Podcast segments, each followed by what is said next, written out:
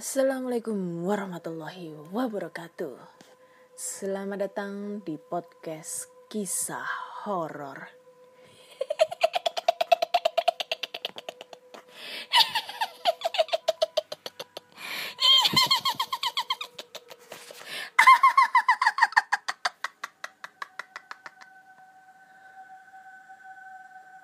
Itu konsep ketawa aku yang baru. Menurut kalian bagus apa enggak sih?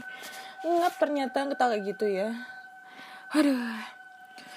Oke, masih bersama dengan Anda di sini akan membacakan cerita horor, email berhantu yang sudah dikirimkan teman-teman melalui podcast kisah horor at gmail.com ataupun di DM Instagram podcast kisah horor dan DM Instagram Ana Olive. maaf, maaf, beri maaf banget kalau selama satu minggu lebih ini aku nggak upload podcast terbaru ya. Uh, dikarenakan kemarin aku ada urusan uh, pergi ke Bandung gitu kan. Pergi ke Bandung ada urusan di sana. Ya biasalah apel. Alah apel cimiwiu. Ya pokoknya aku lagi ke Bandung terus niatnya sih kemarin hari Selasa aku mau record gitu. Terus ternyata kecapean ya udah ketiduran gitu deh Padahal itu banyak banget yang udah nge-DM aku. Dikiranya itu aku udah off, nggak nggak bikin podcast lagi gitu kan. Soalnya udah banyak banget cerita yang udah masuk. Pada berebut kak kapan punya aku dibacain? Kak kapan punya aku dibacain? Buruan dibacain kayak gitu kan. Aduh aku jadi stres. Makanya aku baru kesampaian hari ini deh untuk ngebacain cerita cerita horor kali ini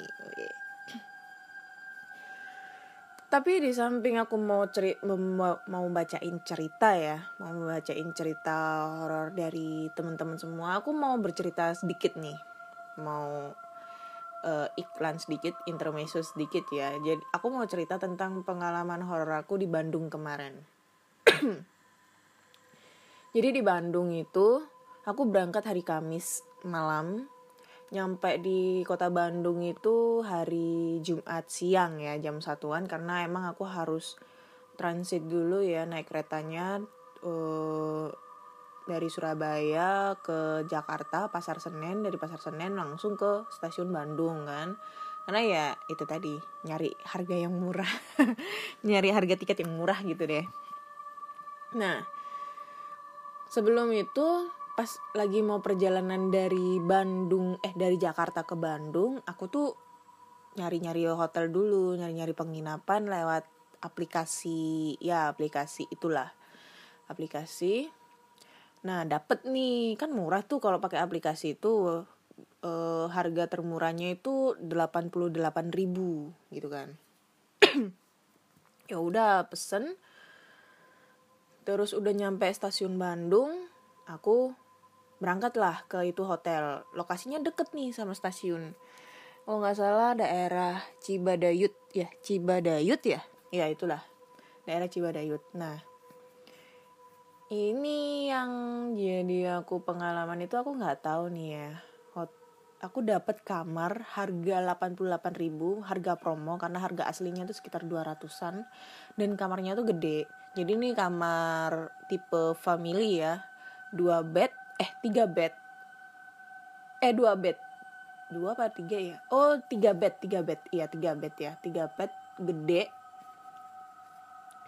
Cuma ini emang lokasinya itu penuh dengan ya gimana ya aku mau ngomongnya ya. Kayaknya nih kalau aku rasa itu ini lokasinya itu uh, agak ke tempat lokalisasi ya buat gitu-gituan. Karena emang pada saat itu jam 10 malam aku tuh keluar keluar sama cowok aku kan pengen ke alun-alun gitu kan. Karena memang dia tuh ada di Bandung terus dia jemput aku ke hotel terus kita keluar nih cari makan. Keluar dari hotel situ udah banyak banget cewek-cewek ya mohon maaf cewek-cewek yang menjadi yang lagi di pinggir jalan gitu. Nah. Oke okay, singkat cerita aku tidur di situ sendirian karena memang uh, cowok aku lagi di asrama gitu ya lagi di asrama. Sebenarnya sih nggak ada IB dia nggak nggak boleh keluar tapi curi-curi. Jadi dia balik terus aku tidur di situ hotel. Eh di di hotel itu sendirian. Kebetulan tuh hotel itu rame sih ya. Kalau dibilang rame jadi itu hotel itu satu tempat maksudnya satu satu tanah. Itu ada tiga hotel. Hotel A hotel B hotel C nah aku lokasinya ada di hotel A yang menghadap ke arah jalan raya. Jadi tuh hotelnya masuk gang gitu. Nah posisinya hotelnya tuh pas di mulut gang. Ibaratnya tusuk sate lah kayak gitu. Habis itu aku tidur di situ dan kebetulan aku dapat kamar di pojok paling pojok lantai dua. Nah ini kejadian pertama yang aneh. Pada saat aku datang pertama ke situ tuh sekitar jam jam 2 ya jam 2an itu uh, aku itu nemuin kayak banyak gumpalan-gumpalan bukan gumpalan ya kayak hal rambut.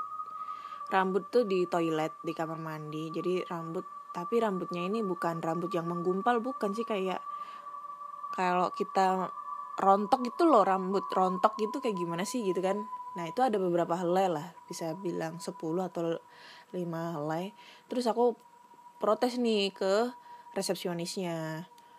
Aku tanya mas ini kamar mandinya udah dibersihin belum sih? Kok ada rambut nih ceceran?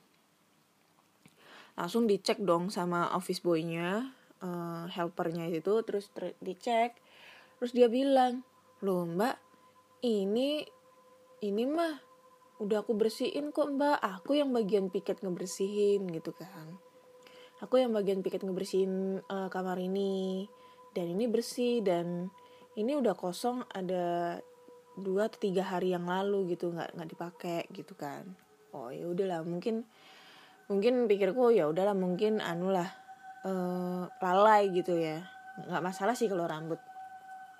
Nah yang kedua itu pada saat aku tidur tiduran nunggu cowokku datang kan karena dia memang bisa keluarnya malam Nah, pada saat itu tuh posisi ini kalau bisa digambarkan, jadi kamarnya ini luas, luas banget. Terus ada tiga bed, dan di hadapan bed itu ada TV, TV dinding ya, TV LED gitu dipasang di dinding. Nah, sampingnya TV itu kayak ada jendela. Tapi jendelanya ini kosong, maksudnya di luar itu kosong, cuma kayak tembok gitu. Cuma nggak ada orang, emang nggak ada orang.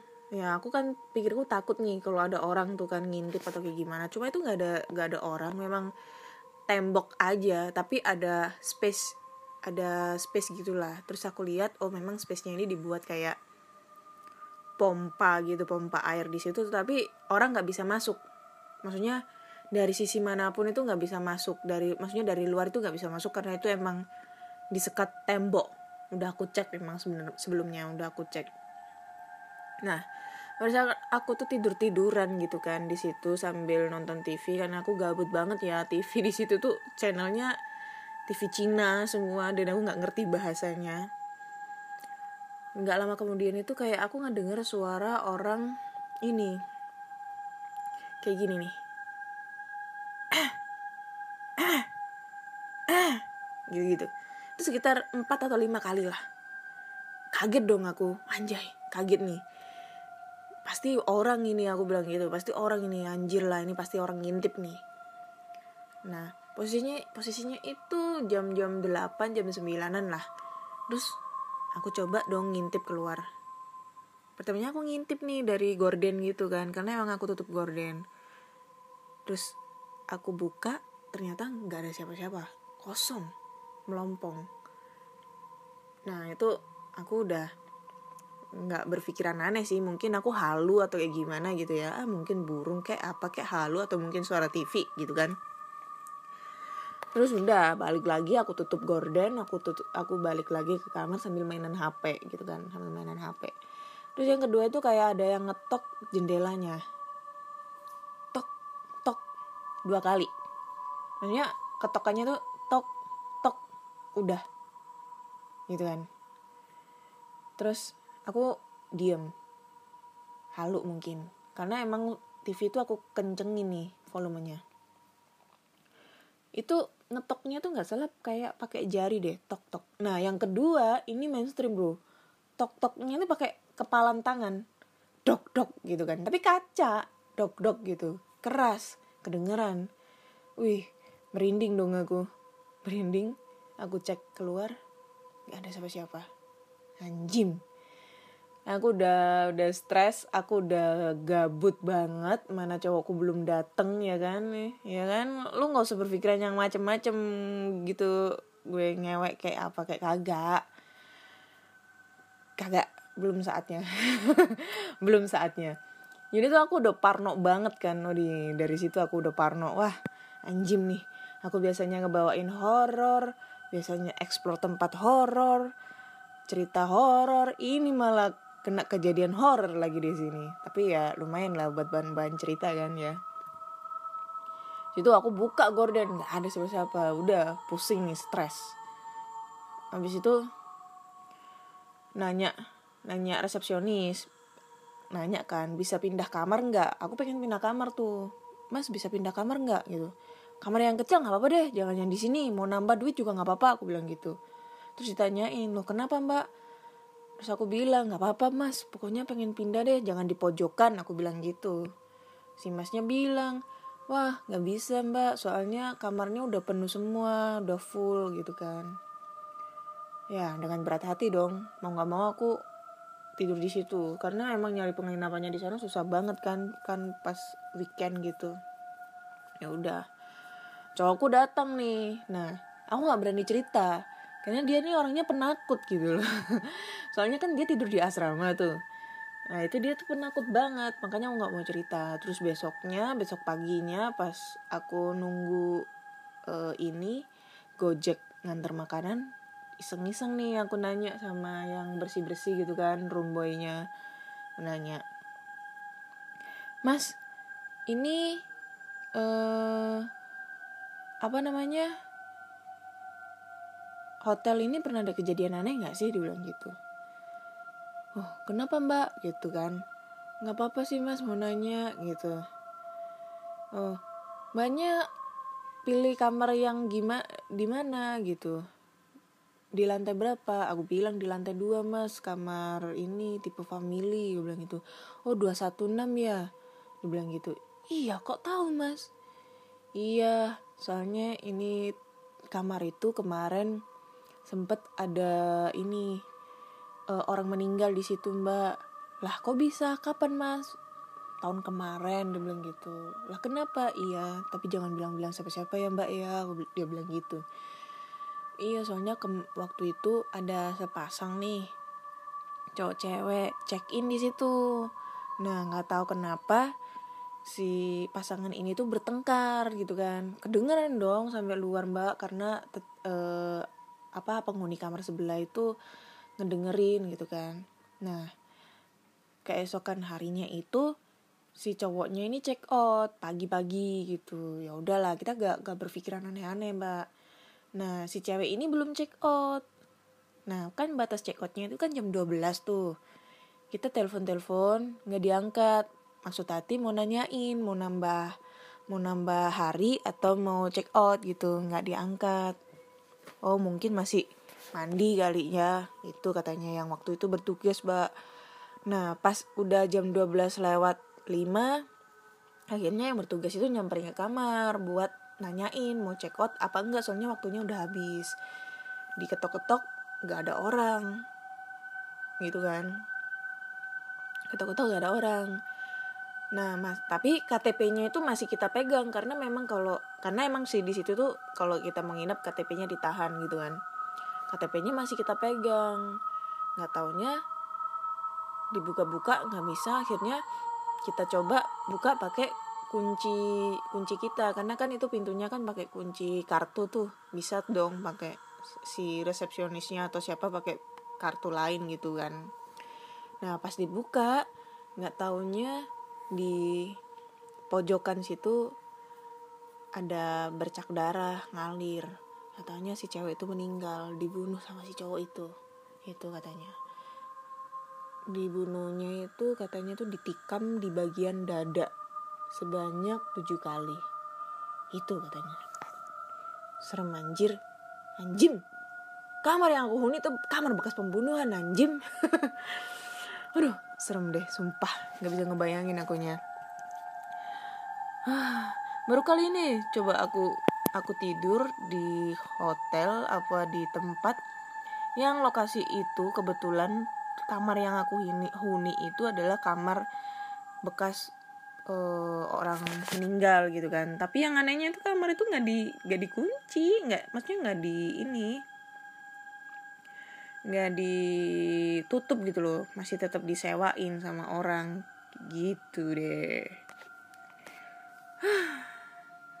Oke kita langsung aja, eh langsung langsung aja kita bacakan cerita email email berhantu yang sudah dikirim teman-teman ya melalui podcast kisah horor. Oke. Langsung aja kita bacakan ceritanya. Ini dari siapa ini? Bentar. Oke, oh ini dari Bang Jalu lagi, coy. Bang Jamu. Assalamualaikum Kak Ana, Waalaikumsalam. Se Halo, kembali lagi nih Bang Jalu. Abang Jalu. Mau sumbang sih cerita pengalaman horor. Terima kasih ya, Kak. Cerita ada di lampiran. Oke, aku baca aku buka dulu lampirannya.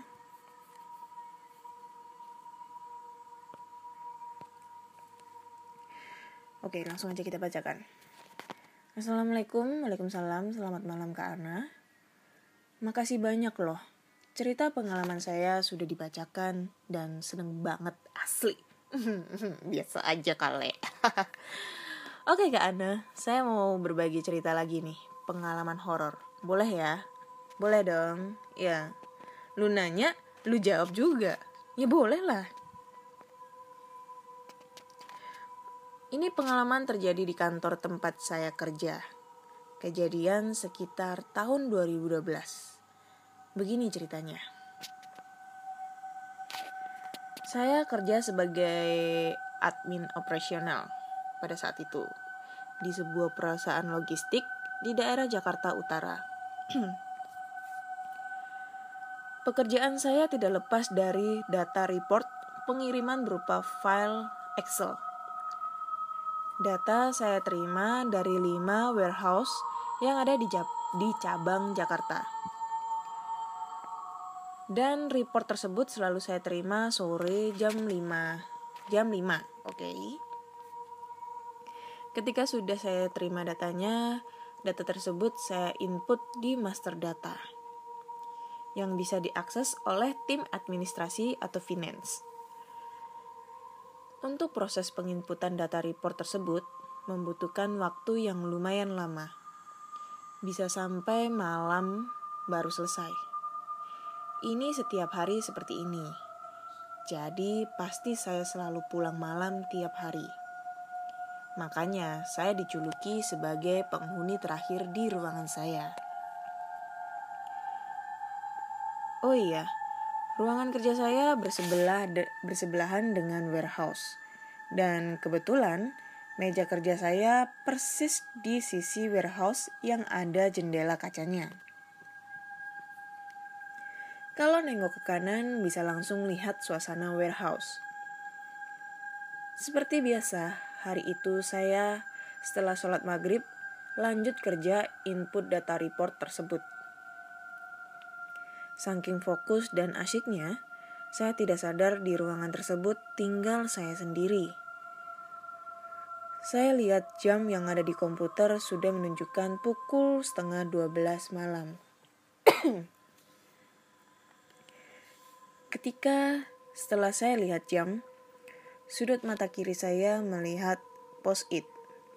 Itu loh kertas yang biasa buat catatan untuk ditempel di dokumen. Yang saya taruh di samping keyboard itu bergeser. Hmm. Saya pikir itu hanya halusinasi saya. Mungkin karena mata saya sudah lelah. Oh iya, post-it itu masih utuh, belum saya pakai. Jadi masih tebal. Masa iya sih bisa bergeser sendiri? Saya lanjut input data kembali. Karena memang belum selesai, pikir saya tanggung lah, tinggal dikit. Ternyata si post-it si post-it tersebut bergeser kembali. Post-it itu kayak itu ya, yang tempel di dinding gitu biasanya bisa ya. Oh nggak ngerti deh post-it itu.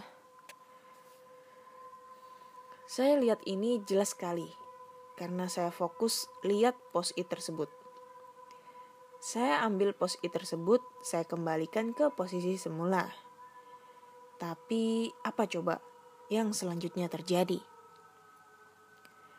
Post-it ter post-it itu bergeser kembali ke posisi sebelum saya ambil. Saya ambil lagi dong. Saya kembalikan lagi ke posisi semula lagi tapi pos-it tersebut bergeser kembali. Begitu berulang sampai empat kali. Sial, ini kayak lagi bercanda berdua sama temen, main geser-geseran pos-it. langsung aja saya merinding saat itu. Dan langsung saya bilang, Haduh, jangan iseng dong ya. Ini mau pulang, bentar lagi ya, tanggung, mau save dulu nih.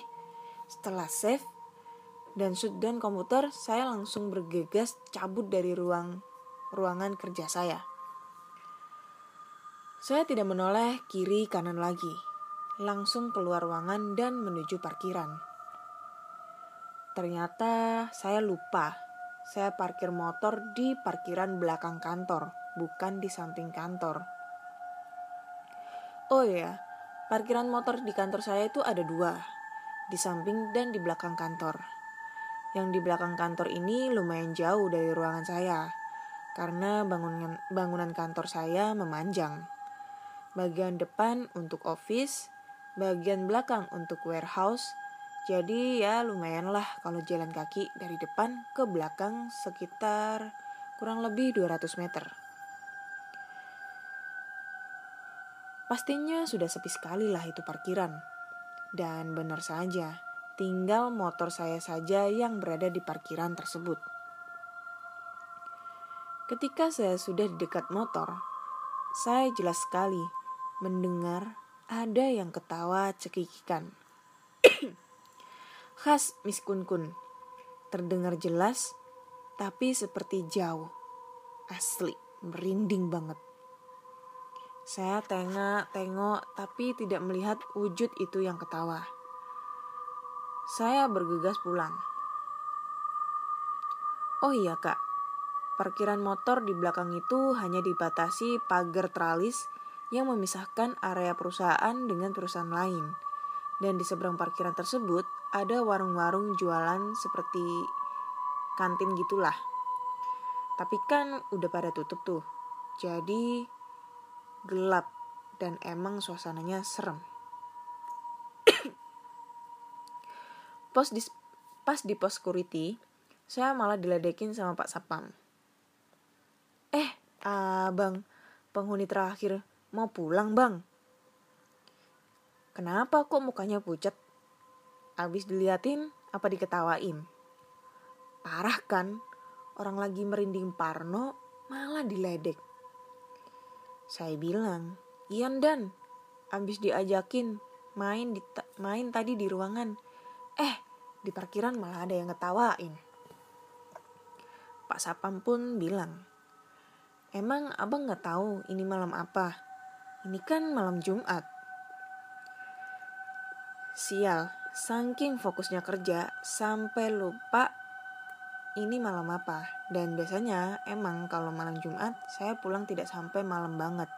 Ya paling jam 9 malam sudah pulang. Oh iya kak, emang kantor saya ini lumayan serem. Banyak penampakan, terutama kru warehouse dan security yang sering ngalamin. Sampai sini dulu kak ceritanya, next akan cerita lagi pengalaman saya atau dari teman sekantor yang ngalamin hal-hal gaib di kantor. Terima kasih ya kak, sukses selalu untuk kakak dan podcast kisah horor. Wassalamualaikum warahmatullahi wabarakatuh. Waalaikumsalam, Bang Jalu. Oke, okay, Abang Jalu, terima kasih buat cerita keduanya ya. Wih, mantap ini. Jadi ini cerita kedua Bang Jalu itu menceritakan tentang pengalaman horornya di kantor. Hmm. Ya, seperti yang udah bolak-balik aku omonginnya. Omongin hal yang paling serem, lokasi yang paling serem adalah di kantor, hotel, apartemen, sekolah, kampus, terus apa lagi ya? Sekolahan. Itulah. Itu tempat yang paling angker. Maksudku tuh eksistensinya di situ tuh lebih kerasa banget dibandingkan di rumah. Bener lebih kerasa banget di situ. Kalau di rumah itu kalau aku sih menurutku biasa aja gitu ya. Tapi kalau di kantor tuh ih kan kalian bisa bayangin ya kantor atau kampus berapa berapa puluh tingkat berapa tingkat ya. Ibaratnya 3 sampai 5 tingkat itu udah horor banget lah setiap lantai. Kalau rumah kan mentok dua tingkat tuh dua tingkat ya biasa aja. Tapi kalau emang rumah kosong melompong itu menurutku biasa aja nggak serem. Tapi kalau rumah angker terbengkalai tapi posisi ada barang-barang masih banyak banget barang-barang di sana itu sumpah eksistensi horornya itu kerasa banget dapat banget. Karena ini adalah pengalaman aku. Selama aku ngonten explore tempat terbengkalai yang ada barang-barangnya. Kerasa banget. Anjing emang. Yang paling kerasa itu rumah jutawan di episode episode di di YouTube aku itu rumah terbeng eh, rumah jutawan terbengkalai itu. Yang di situ tuh banyak banget barang-barangnya masih banyak banget. Dan ada mobilnya juga bangkai mobilnya di dalam dua kasur-kasurnya masih bagus-bagus. Ada foto keluarga juga. Uh sumpah itu keren banget asli. Aku pengen ke situ lagi. Asli keren. Dan sempat ada penampakan di salah satu di apa ya di kejadian-kejadian menit. Itu ada penampakan sosok kuntilanak dan yang nemuin penampakan itu salah satu viewers aku gitu loh. Dan aku emang aku sih orangnya nggak pernah teliti. Jadi setelah setelah aku aku record aku ngevlog langsung aku edit editnya cuma cut cut cut cut doang. Habis itu upload udah. Nggak pernah aku koreksi coy. Jadi langsung aku upload. Biarkan mereka yang yang apa ya yang menemukan keanehan-keanehan atau kejanggalan tersebut. Wih, mantap. Sumpah itu serem banget itu. Apalagi karena apa ya? Kenapa kok bisa dikatakan serem karena biasanya lokasi tersebut atau mungkin ya lokasi tersebut entah itu ditinggalkan karena karena sesuatu hal mungkin karena ada uh, sengketa atau mungkin ada pernah kasus pembunuhan atau dan lain-lain itu pasti setiap benda-bendanya tersebut mempunyai memori yang terekam di benda tersebut. Maksudnya memori terekam itu bukan berarti mem bendanya itu punya otak gitu enggak ya. Dalam arti itu kalau misalnya orang pinter nih ya orang pinter itu bisa merasakan uh, memori pada saat kejadian di lampau itu loh. Ada apa ada apa gitu. Kayak gitu sih. Susah dijelaskan dengan kata-kata coy. Oke terima kasih mas eh abang Jalu buat ceritanya. Weh abang Jalu. Lanjut kita cerit uh, cerita kedua ya.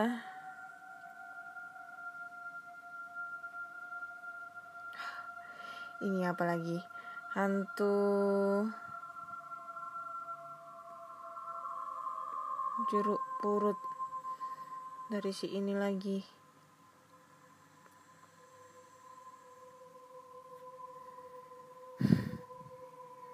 dapat cerita dari mana sih ini anak? TPU jeruk purut lagi. Oke. Okay. Bentar ya. Ini tuh aku dapat cerita dari yang kemarin yang aku ceritain dia pakai cerita yang Hello Kitty atau mungkin Marsha and the Bear gitu kan. Nah, loh. Jeruk purut lagi. Nah, ini. Oke, lanjut ke cerita kedua. Cerita kedua itu datang dari Yuda Firmanda. Assalamualaikum. Waalaikumsalam. Kak Ana, ini Yuda yang cerita kemarin. Maaf ceritanya kemarin kepotong kalau di DMK. Oke. Okay. Saya mau berbagi cerita lagi nih, Kak. Ini cerita lanjutan yang kemarin. Cerita yang mana itu ya? Yang kemarin ya? Ini cerita yang kemarin yang mana ya? Aku lupa di episode berapa nanti aku cek ya. Jadi ini lanjutannya.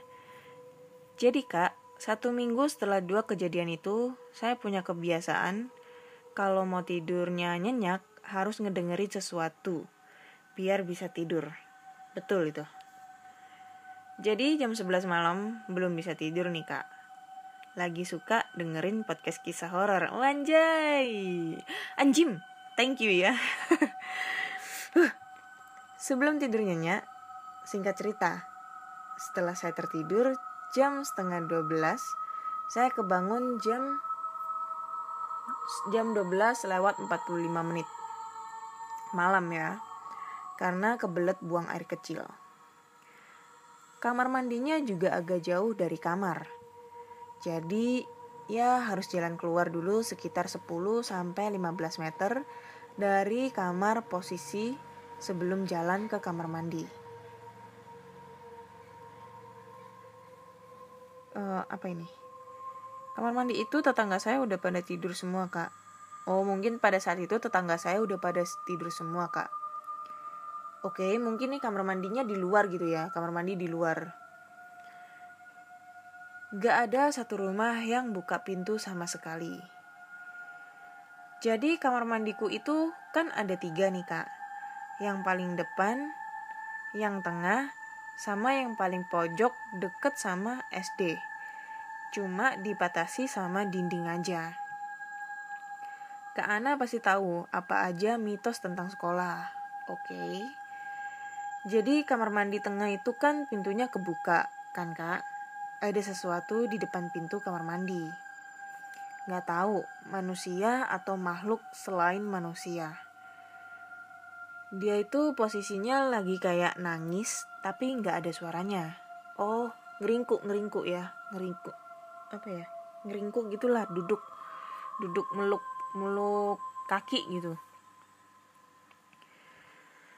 manusia mana jam setengah satu malam sendirian di kamar mandi lagi murung kayak nangis anjim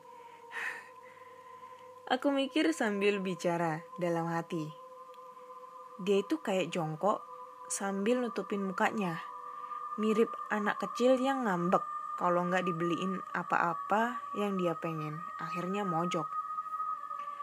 Warna bajunya tuh putih kusem. Terus rambutnya nutupin muka. Saya nggak mau mikir panjang karena udah kebelet nih kak. Jadi saya langsung masuk kamar mandi dan buang air kecil. Waktu saya lagi buang air aja sampai nggak tak tutup pintu kamar mandi takut kalau dia ngejam scare lu nggak ngejam tuh setan nggak ngejam scare tapi orang lain yang ngejam scare kamu gitu loh lu kencing juga nggak ditutup anjim setelah buang air saya langsung ngibrit aja lari ke kamar saya terus setelah saya sudah di kamar kayak ada anak kecil yang lagi ciluk bah dari luar jendela kamar Soalnya gorden jendela agak kebuka kak. Saya paksa nutup mata sambil lanjut dengerin podcast lagi. Lah goblok nih ya. sampai situ sampai situ dulu aja cerita pengalaman horor saya kak. Mungkin lain kali saya ceritain pengalaman horor saya lagi di teror lagu atau gending lingsir wengi selama satu malam full. maaf kalau nyusun katanya susah dimengerti ya kak. Hey, terima kasih. Assalamualaikum. Waalaikumsalam. Ini aduh ini orang gimana sih ya? Aneh. Sumpah sih udah ini aneh ya.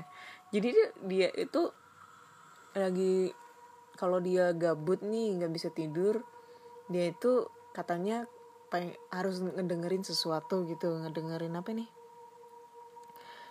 yang ngedengerin sesuatu biar bisa tidur. Nah kebetulan dia ngedengerin podcast aku dong, podcast kisah horor yang memang menceritakan tentang pengalaman horor nih dari orang-orang sekitar. Terus jam dia ketiduran nih jam setengah 12 jam 12 lewat dia kebangun kebelet pipis terus kebelet pipis ternyata dia di ditakut-takutin sama Mbak Kun Kun nih ngintipin dia pipis. Udah udah selesai pipis dia ngibrit nih balik ke kamar. Nah pas dia mau tidur ternyata ada yang cilukbain dia di jendela. Terus dia takut nih terus menjemin mata sambil maksa supaya tidur sambil ngedengerin podcast lagi. Dan podcastnya itu podcast horror lagi gitu loh ini aneh nih ini aneh. Lu takut sama setan tapi lu dengerin cerita setan. Ya gimana nggak setan itu kepancing nih buat dateng ke ke lu? Ya kan? Karena ini emang bener sih ya. Aku ini ada temen-temen podcaster aku. Dia podcaster juga namanya namanya Ninda. Podcast dia itu namanya teman bercerita. Jadi ya pengalaman sehari-hari gitu ya tentang dia. Dan aku pusing kalau ngedengerin podcast dia karena bahasa Inggrisnya bagus banget Inggrisnya bagus banget. Aku nggak bisa gitu. Terus dia tuh ternyata punya kelebihan six sense gitu kan. Six sense ya bukan indigo tapi six sense. Dan dia tuh bilang pernah de- pernah ngomong katanya dia pernah ngedengerin podcast aku dan di saat dia ngedengerin podcast aku hantu yang aku ceritain itu datang ke dia dan ngomong kalau dia tidak suka dicerita-ceritain. Anjim aneh ini bin ajaib. Headsetannya di Surabaya terbang coy ke Jogja. Wus langsung ke Jogja. Anjim kan emang nggak jelas.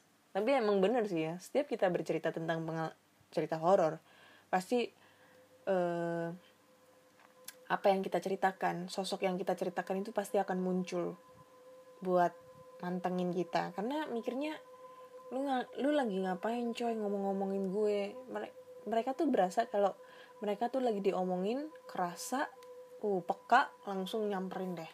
Ngikut nimbrung. Wih ceritanya seru. Wih gitu.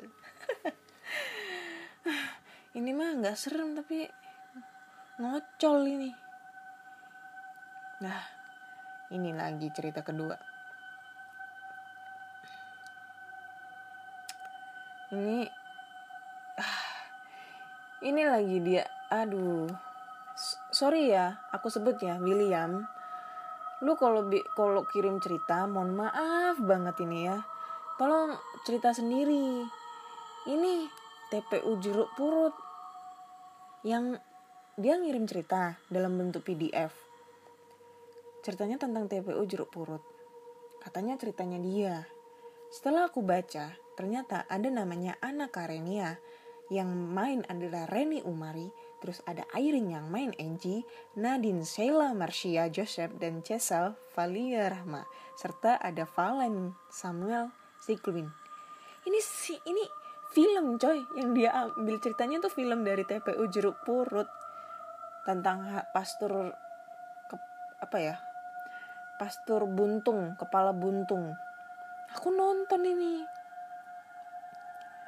Please. Ini cerita bukan cerita horor ini ini cerita fi ini film ini. Lu ambil film. Huh. William William kamu dari kemarin loh. Udah aku udah aku ini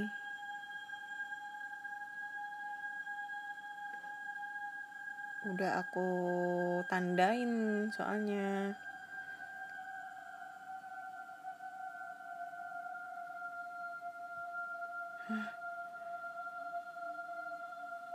Ini apa sih? Gak jelas ini anak sumpah. Coba ya aku baca ini ceritanya ya. Aku baca ini. Jadi dia bercerita kayak gini. Selamat malam Kak Ana, aku mau bercerita nih pengalaman aku. Mohon maaf kalau cerita aku kependekan. Mulai ya. Uh, ini kenyataan Kak Ana, bukan menghayal sebentar lagi. Aku akan menjadi orang kaya. Tapi aku sebentar lagi akan pensiun. Dan aku akan mendapat uang triliun rupiah dan semua sertifikat tanah seluruh dunia akan menjadi milikku untuk selamanya. amin. Saya doaan. Eh doaan. Saya doain deh. Gitu ya. Aduh nggak jelas. Nggak jelas nggak jelas nggak jelas. Oke kita langsung aja lanjutkan cerita terakhir ya cerita terakhir nah dia nggak mau disebutin nama asli di email jadi dia minta dipanggil Acil oke okay. halo kak Ana panggil saya Acil Jangan sebut nama asli saya di email ya. Saya sangat menyukai podcast horor kakak yang sangat menarik untuk diikuti. Hmm, terima kasih. Bahkan, saya sering mendengarkan podcast kakak sambil bantu ibu saya buka usaha dan mencari inspirasi menulis. Wih, manjai, anjim. anjim. Aku lagi seneng-senengnya ngomong anjim daripada anjay. Saya mau cerita pengalaman pribadi saat sedang main di rumah teman untuk saling curhat dan berkumpul seperti biasa. Sebenarnya ini cerita saat masih SMA kelas 2. Saat saya masih bandel-bandelnya. Hehehe. Jadi, sekitar 9 tahun yang lalu, tapi entah kenapa masih ingat jelas sampai sekarang. Cerita ini dimulai saat saya sedang main di rumah teman saya, teman yang letaknya seperti dekat perkampungan. Jadi agak jauh dari jalan umum. Saya juga datang bersama teman waktu itu.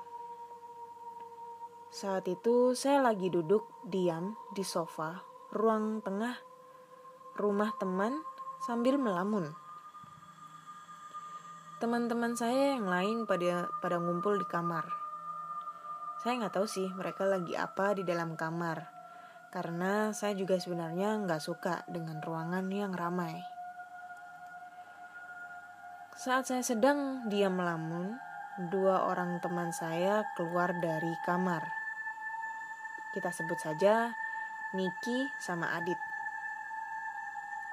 Salah satunya yang namanya Niki duduk di sebelah saya. Saya ditegur sama Adit. Kak, mau dibeliin makanan apa? Snack nggak? Gue mau keluar nih, biar sekalian, tanya dia. Terus saya jawab, oh iya, nitip apa ini? Oh, oh iya nitip rokok ya, sebungkus saja. Terus saya kasih uang saya. Boleh jajan nggak?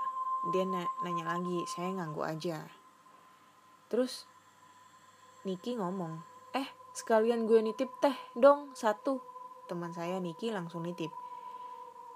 Ya udah akhirnya Adit keluar beliin titipan saya sama Niki Adit keluar Niki masuk ke kamar tempat teman-teman saya kumpul saya masih diem sampai teman gue yang lain masuk saya nggak tahu dia habis dari mana, soalnya nggak ngeliat dia keluar. Mungkin dia lihat akunya lagi ngelamun kali ya, jadi dia langsung negur. Mau kopi nggak? Gue beli tiga nih. Dia nanya begitu. Kopi apa? Saya nyaut dong, soalnya saya memang lagi ingin kopi. Kopi susu. Susu. Kopi cucu.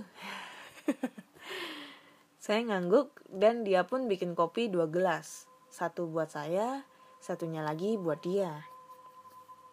Nah, teman saya yang tadi keluar rumah akhirnya datang bawa belanjaan. Teman saya yang lain juga keluar dari kamar. Kita sebut saja namanya Dila. Anjir, cewek nih Dila. An Oke, fokus Dila cewek apa cowok? Aku nggak tahu. Pokoknya fokus. Aku nggak boleh berpikiran aneh-aneh. Aku nggak boleh berpikiran kotor lagi ya. Anjing jangan kotor. Oke okay, fokus. Adit langsung ngasih titipan saya. Dia juga ngeluarin belanjaan dia yang lain pas dia taruh botol teh botol teh saya bingung karena saya tidak merasa titip beli teh otomatis saya nanya dek Siapa yang minta dibeliin teh? Dia malah bingung. Kan kakak yang minta. Ya gue beliin. Terus saya jawab, bukan. Tadi yang nitip Niki, bukan kakak. Dan dia, eh dan Dila temen gue malah ngejawab, Niki nggak datang kak, dia kan lagi sakit. Pas Dila bilang begitu, saya nggak percaya dong. Saya langsung bangun dari sofa, terus lihat kamar. Niki memang gak ada di sana. Malah katanya dia lagi di rumahnya sendiri karena lagi sakit. Padahal saya benar-benar lihat jelas kalau yang ada di sebelah saya itu Niki. Tapi ternyata dia gak ada di sana dan sampai sekarang saya masih ingat dengan kisah ini dan saya masih bertanya-tanya siapa sebenarnya yang duduk di sebelah saya dan minta teh hari itu. Dan anehnya, saya mengalami itu saat hari masih siang bolong. Hmm. Oke. Okay. Ini ceritanya aneh ya, tapi sebenarnya ya kalau aku ngebaca ini cerita, memahami ini cerita, malah yang sebenarnya aku kira yang menjadi hantu itu adalah temennya yang baru datang, yang negor dia, yang nawarin kopi, bukan si Niki gitu loh. Karena ini Niki nyaut gitu loh. Ibaratnya ini ya ada yang percakapan ini. Bentar bentar. Nah ini. Nih si Niki langsung bilang eh sekalian gue nitip teh dong satu gitu kan terus si si adiknya bilang ya udah. Ya aku bilang aku pikir kan dia tuh nyaut omongannya si Niki gitu loh. Nggak tahunya kata si Adit si Adit eh kata si Adit si Acil sendiri yang ngomong waktu itu padahal yang ngomong itu Niki gitu. Dan aku pikir itu yang jadi hantunya itu adalah temennya yang baru datang yang nawarin kopi bukan si Niki ya kan? Kalau kalian pasti mikirnya kayak gitu. Tapi ini aneh. Yang jadi hantu malah Niki. Nikinya nggak dateng. Niki malah sakit di rumah. Anjing huh. Niki nih cewek apa cowok sih? Cewek nih. Dila cewek juga. Si Acil cowok. Si Adit cowok. Ngapain di kamar aduh acuh acuh acuh acuh acuh acuh acuh ya nggak tau lah itulah pokoknya tapi ini yang terakhir lumayan sih lumayan serem sih oke okay. Ah, oke. Okay. Cukup sekian dulu cerita horor kali ini. Udah ada tiga cerita yang aku bacain dan satu cerita horor dari saya sendiri. Jadi ada empat kisah horor. So, bagi kalian yang mengalami atau mempunyai cerita horor entah itu pengalaman dari kalian sendiri, kakak, ibu, ayah, adik, kakek, nenek, teman, saudara, ataupun pacar kalian, kalian langsung saja bisa kirim ceritanya ke podcast at gmail.com ataupun di DM Instagram podcast kisah horor dan DM Instagram Ana Olive. Jangan lupa klik tombol follow di Spotify karena podcast kisah horor itu sudah eksklusif di Spotify, Google Podcast, Apple Podcast, dan Anchor ya. Karena emang kebanyakan tuh pendengar aku dari Spotify. So, jangan lupa klik tombol follow agar kalian selalu update tentang cerita horor-horor terbaru, ya kan? Dan jangan lupa mampir ke channel YouTube aku namanya Ana Olive channel YouTube Ana Olive. Jangan lupa subscribe, like, comment, dan share. Karena di situ bakal ada video-video uh, aku tentang explore tempat-tempat terbengkalai dan juga cerita horor yang yang ceritanya itu beda dengan yang ada di podcast gitu ya. Oke, udah dulu ya. Aduh, udah gak bisa berpikir aku. Oke, terima kasih sudah mau mendengarkan. Mohon maaf jika kemarin aku agak telat ngepost tentang cerita terbaru doakan ke depannya makin lancar aja kita update tentang cerita terbaru jangan lupa kirim ceritanya dan terima kasih untuk semuanya selamat malam